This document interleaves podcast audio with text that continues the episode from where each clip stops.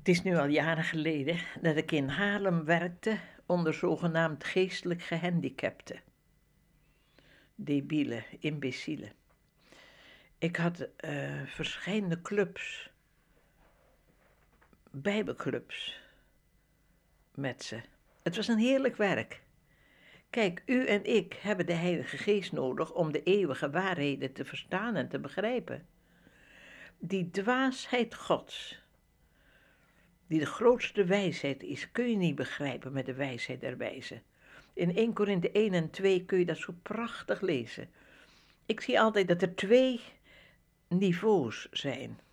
De wijsheid der wijzen, die je als een voorrecht van God krijgt, en dan een heel eindje hoger, de dwaasheid Gods, die je alleen kunt begrijpen door de Heilige Geest. Dan zie je dat dat de hoogste wijsheid is. Dan moet je nooit die dwaasheid Gods naar beneden proberen te halen op het niveau van de wijsheid der wijzen. En dan zo proberen het te gaan begrijpen. Dan kom je tot de gekste conclusies.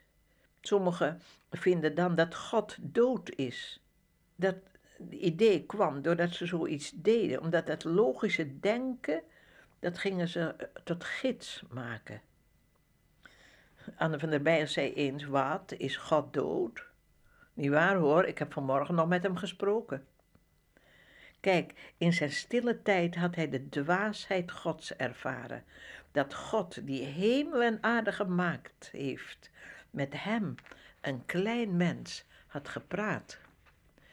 Nee, nooit de dwaasheid, de hoogste wijsheid Gods neerhalen en beoordelen met de wijsheid der wijzen. Als je de werkelijkheid wilt zien, moet je de wijsheid der wijzen optillen op het niveau van de dwaasheid Gods. En dan ga je het zien en begrijpen. Die geestelijk gehandicapten hadden al heel weinig wijsheid der wijzen. Maar de Heilige Geest gaf ze een heleboel dwaasheid Gods, die ze veel ongeremder, zonder twijfel aanvaarden en begrepen. Ik zag toen de waarde van dat woord. We moeten worden als een kind. Dan kunnen we het koninkrijk Gods ingaan. Nooit kon ik te veel van de liefde Gods vertellen aan hun, dan straalden hun gezichten. Een vader van een van de meisjes vroeg me eens: waarom mag mijn dochter niet aan het avondmaal komen? Ze heeft de Heer lief. Hinder dat nou dat ze niet leren kan? Mijn antwoord was: man, bitter voor van de week, ik ga het ook doen.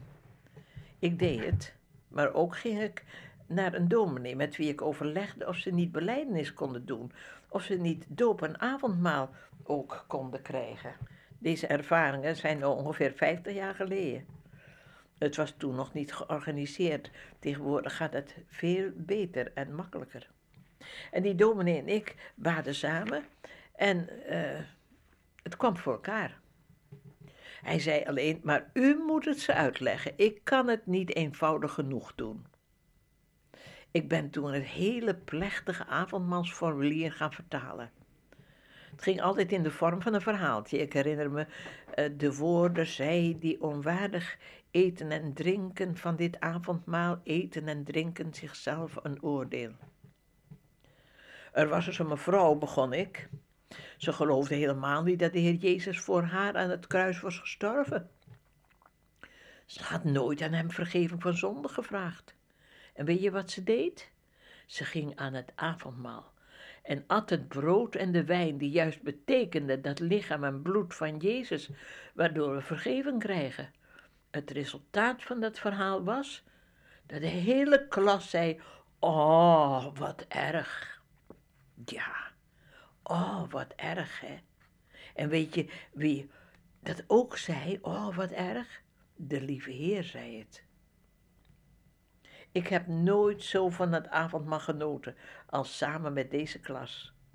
Ik weet dat er een begrip, een dankbaarheid, een ernst was, waarover de engelen zich moeten hebben verheugd.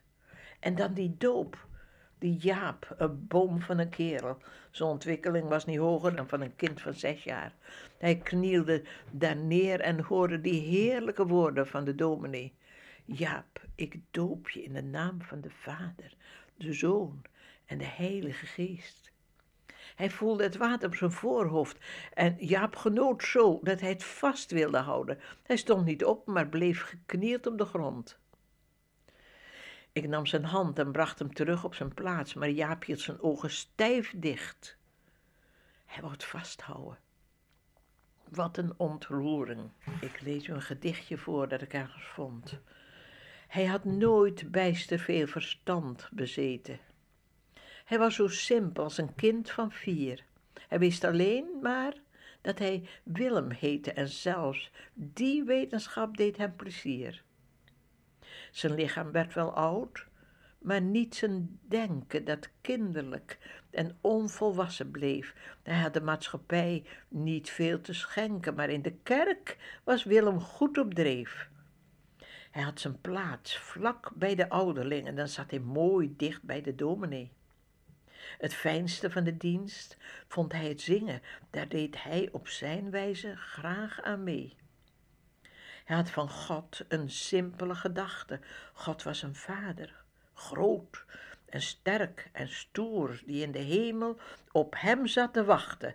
En Jezus was vanzelf zijn grote broer. Hij had nog nooit een letter kunnen lezen en van een dogma had hij nooit gehoord, maar twijfels waren bij hem nooit gerezen, want hij geloofde vader op zijn woord.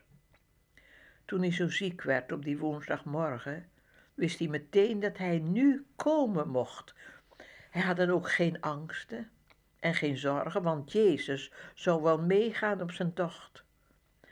Al heeft hij geen begrip gehad van zonde, al was hij zo eenvoudig als een kind.